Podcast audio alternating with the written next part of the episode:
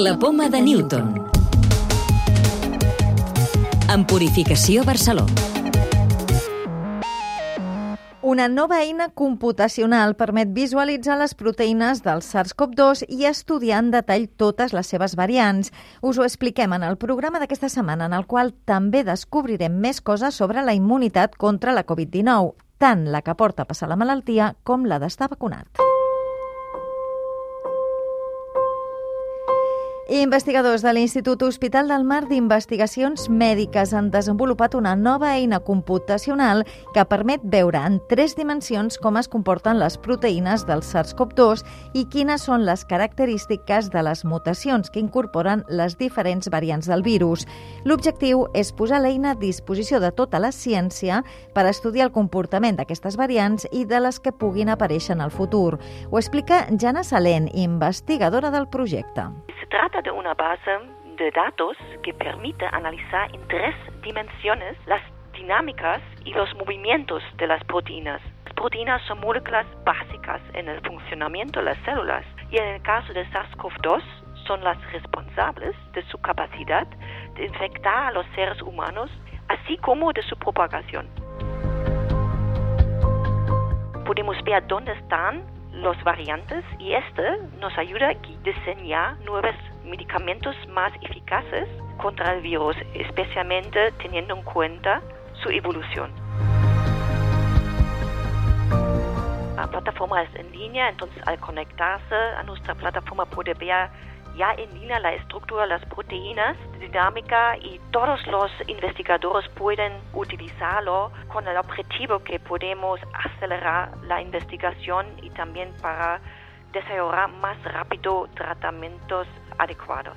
Els investigadors han utilitzat més de 360 gigabits de dades per poder desenvolupar la nova eina. Es tracta de l'única base de dades fins ara que permet visualitzar la dinàmica de les proteïnes del virus i estudiar en tres dimensions les seves mutacions.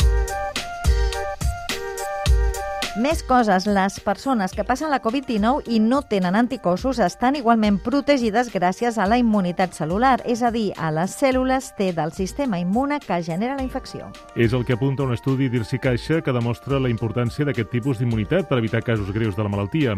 Ho confirma Julia García Prado, investigadora principal del estudio. La gente que no genera anticuerpos parece que sí que están protegidos frente al COVID, ya que tienen respuestas celulares. Estas células T son capaces de protegerlos de la severidad de la infección en ausencia de la generación de anticuerpos. I sis estudis diferents apunten que la majoria de les vacunes actuals contra la Covid-19 o haver passat la malaltia porta prou immunitat celular per evitar la malaltia greu davant l'Omicron. Concretament, la protecció seria superior al 80% en el cas de les vacunes de Pfizer i Janssen, encara que hagi disminuït de forma important el nivell d'anticossos neutralitzants contra el virus.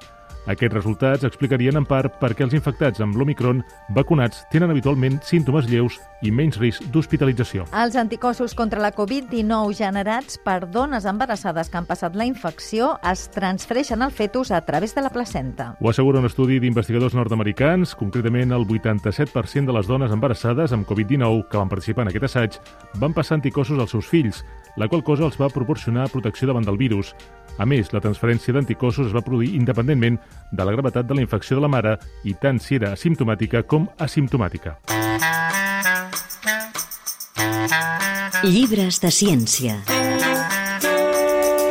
Aquesta setmana us recomanem un llibre que recull les hipotètiques notícies de premsa que al llarg del temps ens podrien haver informat dels descobriments científics que han canviat la nostra història. En format de retalls de diari, el llibre Eureka, de la divulgadora científica Rocío Vidal, ens trasllada a través d'un viatge pels grans avenços de la ciència. I descobrim, per exemple, quan es van crear les primeres vacunes, qui va demostrar en el rentat de mans podia salvar vides o com es van inventar els rajos X. El llibre ens situa com a espectadors privilegiats de tots aquests descobriments, com si els estiguéssim llegint en el mateix moment en què es produïen, i representa una bona opció per tots aquells que vulguin tenir una visió general dels principals esdeveniments que han marcat la història de la ciència. La clau de volta. Perquè la línia de Carmen marca l'inici de l'espai. Jordi Gutiérrez, investigador de l'OPC. Una regulació legal, no hi ha cap màgia a 100 quilòmetres d'alçada. El motiu d'aquesta definició, bàsicament, ve de la Guerra Freda.